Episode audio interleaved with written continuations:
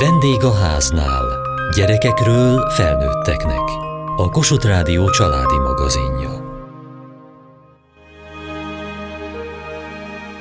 Azt mondják a szakemberek, hogy átlagban minden osztályban van két gyerek, akinek nyelvfejlődési zavara van. Nálunk is volt két rossz tanuló fiú. Lehet, hogy nekik is csak nyelvfejlődési zavaruk volt. Na figyelj, szavakat mondok, és azt szeretném, hogyha megfordítanád őket, visszafele mondanád. Mondd nekem visszafelé azt, hogy tál. Lát. Aha. Rét. Tér. Uh-huh. Léc. Cél. Anya. Anya. Pap.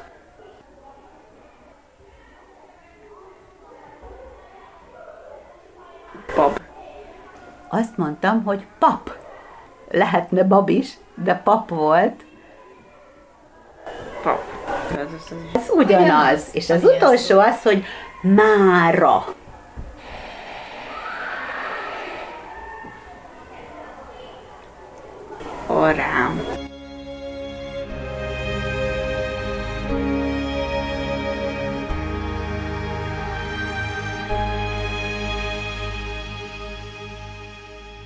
Milyen órán voltunk most?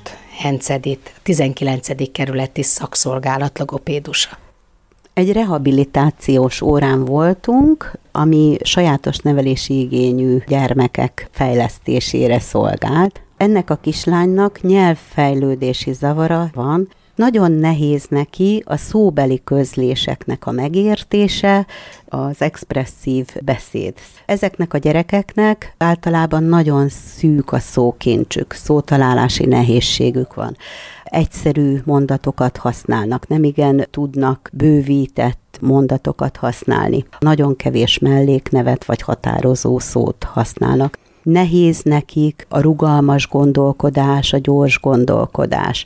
Általában a figyelmük is nagyon könnyen elterelődik nagyon korán fölfedeztük, kolléganőm is itt van, aki fölfedezte nála ezt a nyelvi zavart, úgyhogy ő tulajdonképpen óvodás kora óta terápiában részesül, próbáljuk ezeket a nehézségeket nála megszüntetni.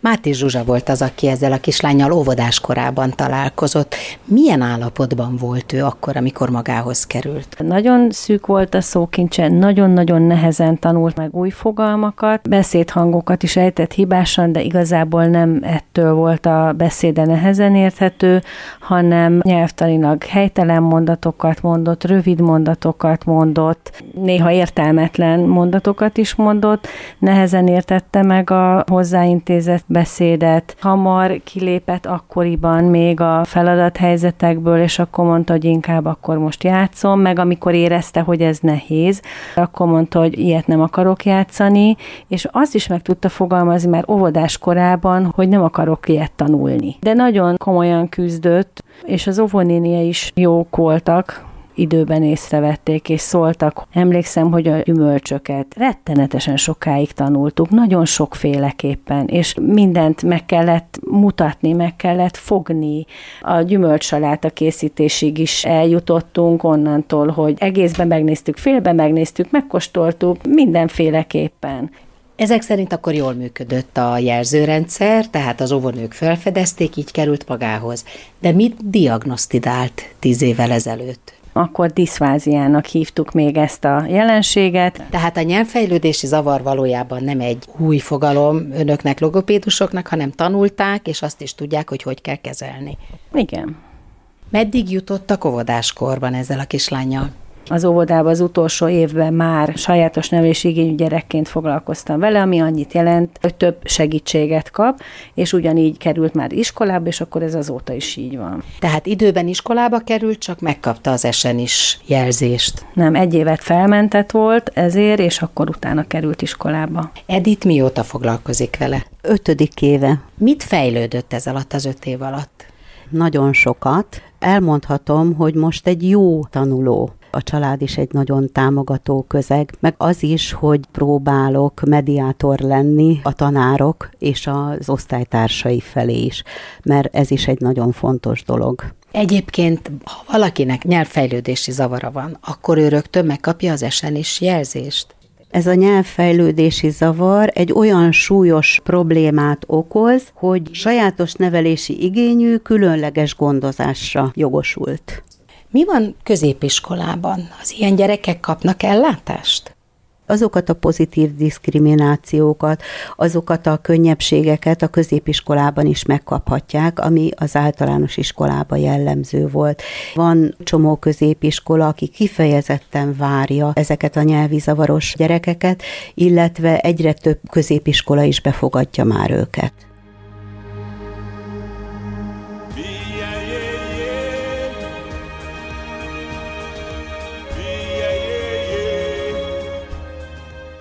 A nyelvfejlődési zavar egy új fogalom 2017-ben. Egyezett meg a szakma, hogy egy bizonyos logopédiai problémát így hív. Mit jelent ez? Kas Bence, az ELTE Bárci Gusztáv gyógypedagógiai kar docense. A nyelvfejlődési zavar azokra a gyerekekre utal, akiknek súlyos és tartós nehézségei vannak az anyanyelv elsajátításban és a nyelvhasználatban kicsi gyerekkortól jelentkezik, ezt jelenti azt, hogy fejlődés itt. Ugye először azt lehet észrevenni, hogy nem indul meg általában a nyelvi fejlődés, tehát nem akkor kezdenek beszélni ezek a kicsik, amikor azt elvárnánk, nehezen, lassan tanulják a, a szavakat, Későn következik be az is náluk, hogy ezeket a szavakat aztán mondatokba kombinálják.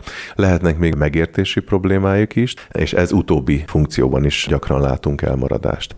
És aztán gondolom, hogy ez a legnagyobb problémát az iskolában jelenti, amikor olvasni, írni kell tanulni.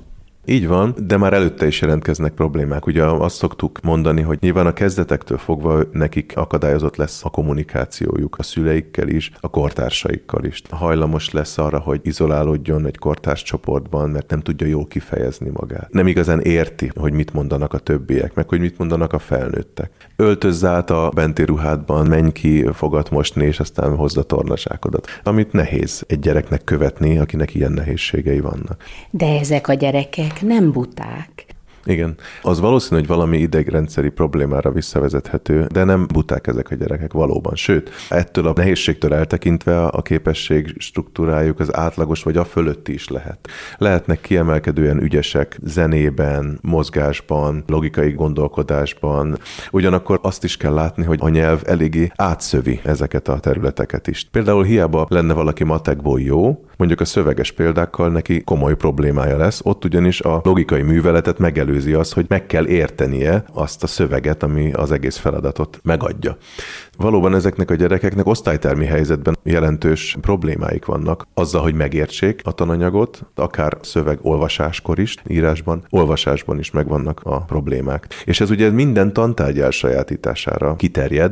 Na most hány gyereket érint ez a probléma? 5-6 éves korban a gyerekek 7%-a érintett ebben a problémában, ami azt jelenti, hogy minden óvodai csoportban, iskolai osztályban van átlagosan két érintett gyerek ami egy nagyon nagy szám. Emiatt Ausztráliában amellett érvelnek, hogy ez egy közegészségügyi, egy népegészségügyi probléma. És még egy dolog fontos, hogy ez egy rejtett fejlődési zavar több értelemben. Az egyik, hogy kevesen tudják, hogy ez létezik. Ezért beszélgetünk most. A másik az, hogy ez nehezen felismerhető, hiszen nincsenek határozott elvárások a gyerekekkel kapcsolatban arra nézve, hogy mondjuk mekkora szókincset várunk el egy három éves gyerektől, négy évestől, öt évestől. Az, aki a problémát jelezhetné, szülő, védőnő vagy az óvónő is, neki sincsenek határozott fogódzói ahhoz, hogy megállapítsa, hogy most ez a gyerek az életkorának megfelelően fejlődik nyelvi szempontból, vagy elmaradást mutat. Tehát akkor kinek kéne ezt felismerni? A logopédusok persze régóta ismerik ezt a jelenséget, bár a logopédia, mint szakma sem kezdettől fogva foglalkozik ezzel. Elsődleges fontosságú lenne, hogy a szülőknek minél nagyobb része tudja azt, hogy ez egy lehetséges probléma.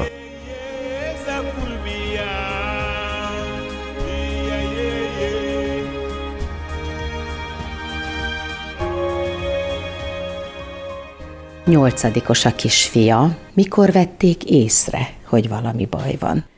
Én már egy évesen gyanakodtam, hogy gond van vele, de igazából másfél évesen tudtam már konkrétan, hogy gond van. Nagyon későn jutottunk diagnózishoz, és az volt feltűnő, hogy a kisfiamnak a mozgásfejlődése teljesen rendben zajlott, viszont a beszédfejlődése nem indult meg, még a másik gyermekem már egy évesen egyszerű szavakat mondott, másfél évesen már velem mondókáztam. Odáig jutottunk el, hogy halandzsázott, a nagyobbikat utánozta, csak hanglejtéseket, hangsúlyokat utánzott, úgy tett, mintha beszélne, de abban egy összefüggő értelmes szó nem volt kivehető. Annyit nem tudott mondani, hogy anya, apa vagy, hogy nem. Ez folyamatos frusztrációt okozott neki, egyre több lett a viselkedés probléma, és én akkor már elkezdtem tapogatózni, illetve segítséget kérni. Hát első körben ugye kit kérdez meg az ember, a védőnő és az orvos kaptam a jobbnál jobb tanácsokat, hogy adjam őt be bölcsödében, majd ő ott betörik, és megtanul beszélni, ültessem be a tévé elé, de tudtam, hogy ez egy nem jó út, és elkezdtem az interneten keresgetni. Hiába kértem segítséget több helyről is, mivel fiú, három éves kor alatt nem nyúlnak hozzá. De nekem sikerült három előtt is megkezdeni a a fejlesztéseket vele, de ez egy hosszú folyamat volt. Két éves volt pontosan, egy játszótéri eset kapcsán oda rohant egy másik gyermekhez is megharapta és akkor döntöttem úgy, hogy ez a vége. Nagyon indulatos lettem, akkor úgy haragudtam az egész világra, magamra rá, kijött belőlem minden, otthon leültettem, annyit mondtam neki, hogy most én itt megfogadom neked, hogy minden segítséget meg fogok adni, hogy megtanuljál beszélni tudni kell az, hogy egy nem beszélő vagy rosszul kommunikáló gyerek jóval rosszabb képet mondhat, mint ami valós fél éven bekerült, mire egyáltalán logopédus vállalta, hogy három éves kora előtt hajlandó őt fejleszteni a beszéd indítását. Hát így is azt gondolom, és hibáztatom magam, hogy miért nem indultam el, mondjuk egy fél évvel korábban nagyon-nagyon sokat számított volna, miért nem voltam erőszakosabb, rátermettebb. Tudni kell, hogy ő egy nagyon-nagyon súlyos esetnek számított, amikor a logopédus elindította két és fél évesen a beszédindítást, ő magán hangzokkal kezdett el egyszerű szavakat mondani, egyetlen egy darab más hangzója nem volt meg, elérkezett a három éves kor, még az egyszerű szükségleteit se tudta kifejezni megfelelően, tehát például, hogy pisilni kell, vécére kell mennem, ilyen alapvető dolgot, Végig gondoltam azt, hogy ezt a gyermeket egyszerűen nem rakhatom be egy 30 fős csoportba, mert nagyon-nagyon fel fognak erősödni a viselkedés problémái, neki se lesz jó, és a környezetének se. Egyértelművé vált, hogy a családi életünk megborult, mert hogy bárhol, ahol sérült gyermek van, ott a családi egyensúly megborul. Végül családi napközibe adtam be, iszonyatos anyagi terhet jelentett a családnak, fejlesztésekkel együtt havi 60-70 ezer forintunk ment el csak az ő fejlesztésének a biztosítására. Itt a kerületben szegregált, kifejezett logopédiai csoport létezik. Ennek az volt a feltétele, hogy ugye beszédfogyatékosan nyilvánítsák. Amikor betöltötte a harmadik életévét, akkor elindítottam a folyamatot, és akkor hány hónap kellett, amíg megkapta a dokumentumot? Hát a négy éves kora előtt nyáron. Tehát egy három éves gyereket nem is lehet ilyen helyre beadni, mert három éves kor előtt nem vizsgálják, három éves korban elkezdik vizsgálni, négy éves lesz, mire megkapja a papírt, tehát három és négy év között mehet normál óvodába, de egy kifejezetten neki való speciális óvodába nem tud bejutni, mert nincs róla papírja. Igen, de ezt azért hozzátenném, hogy ez 12-13 évet volt az biztos, hogy nála a beszédfogyatékosságot egy mikroidegrendszeri sérülés okozza, tehát ez azért kihat bármely más területre, különösen az iskolai életre, a tanulmányok előrehaladásában. Tehát akkor milyen papírja van a gyereknek? Nem meghatározott beszédfejlődés zavara.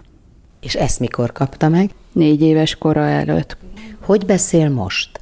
Laikus, de akár pedagógus se veszi észre, hogy valami probléma van, abból vehető észre, hogy tanulási nehézsége van, a diszlexia, diszgráfia. Középiskola? Fafaragó szeretne lenni, faipari technikumba szeretnénk adni, alkothat, mert ő egy elmélyülten dolgozó, lassú, kreatív, kicsi fiatal ember, végő eredményben asztalos lesz.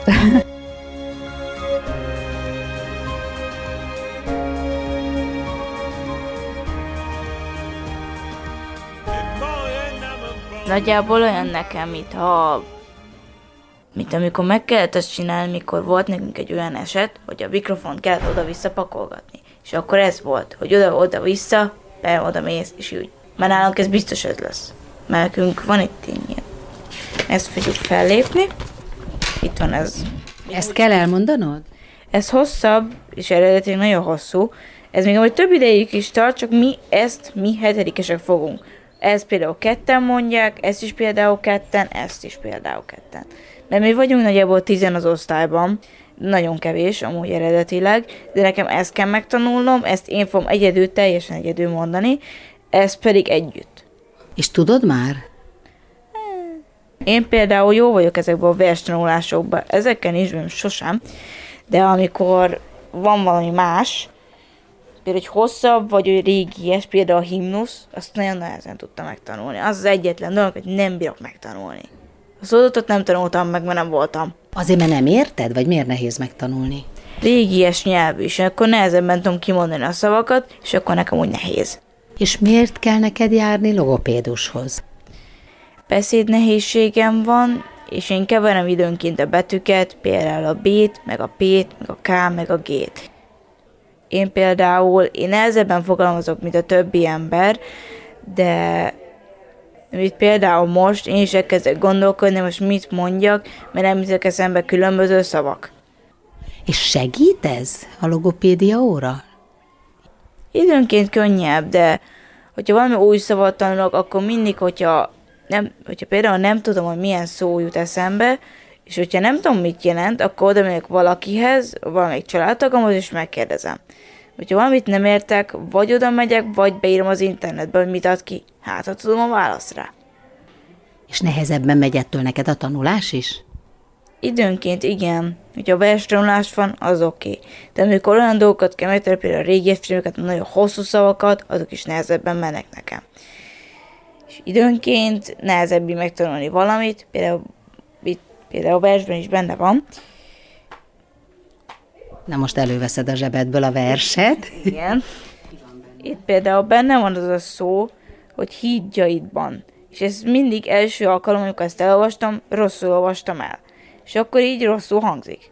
És ezeken például ezek nehezekre esnek, de nekem a felsőres nem olyan nehéz, csak vannak olyan szövegek, hogy időnként nem érted. Például a megcsonkított, meg a szét, meg a sújtott. Azt nekem elmondta, hogy a megcsonkított az, hogy már levágták már a kezét a szobornak, meg ilyesmi a sújtott, az, hogy neki sújtottak, vagy neki sújtottak a tölnek, és szétet rombolva, vagy valami ilyesmi jelentés. Igen, itt azt olvasom, hogy lerombolt falaiddal, megcsonkított szobraiddal, széttört hídjaiddal, és földre sújtott tornyaiddal. Hát valóban ez nem egy könnyű szöveg.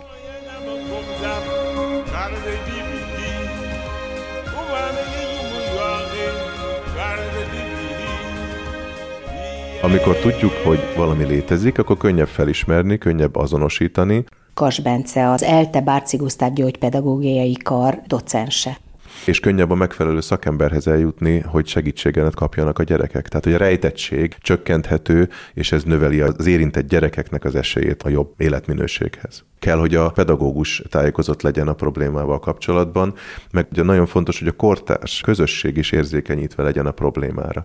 A többi gyerek is tudja, hogy ő neki kifejezésbeli problémái vannak. Kicsit tovább kell várni, amíg eszébe jutnak a szavak. Akkor ki tud alakulni egy párbeszéd, neki kicsit több időt kell adni. Vagy esetleg segíteni, hogy eszébe jussanak a megfelelő kifejezések. Vagy amikor hozzá beszélünk, akkor egy kicsit lassabban, nem olyan bonyolult szavakkal, nem hosszú mondatokkal, és feltárulnak ezeknek a gyerekeknek az értékei, hogy ők ugyanolyan kreatívak, ugyanolyan érdekesek, csak szóban nehezen tudják kifejezni magukat.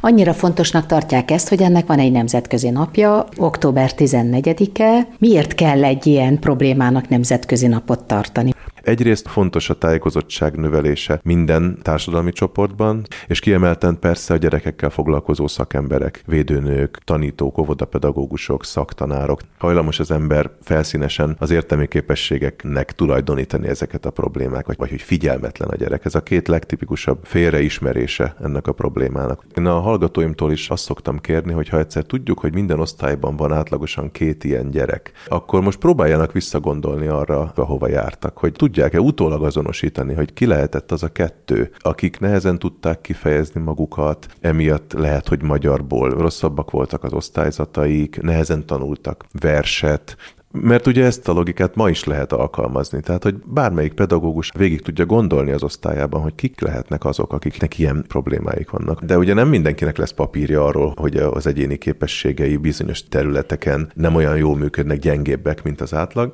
Úgyhogy akkor a pedagógusok rugalmasak tudnak lenni ebben. Támogatva a gyerekeket nem szabad talán azt várni, hogy majd papírjuk lesz minden egyes apró cseprő problémáról, de azt gondolom, hogy azért a tanítók pontosan tudják azt, hogy minden gyerek más, és mindegy gyerek egy nagyon érdekes mozaikja különböző képességeknek, és hogy ezt az osztályban még fejlődési zavarok nélkül is érdemes tudatosítani a gyerekekkel, hogy mindannyian mások vagyunk, mások az erősségeink, mások a gyengeségeink, de ettől még mindenki egyformán értékes.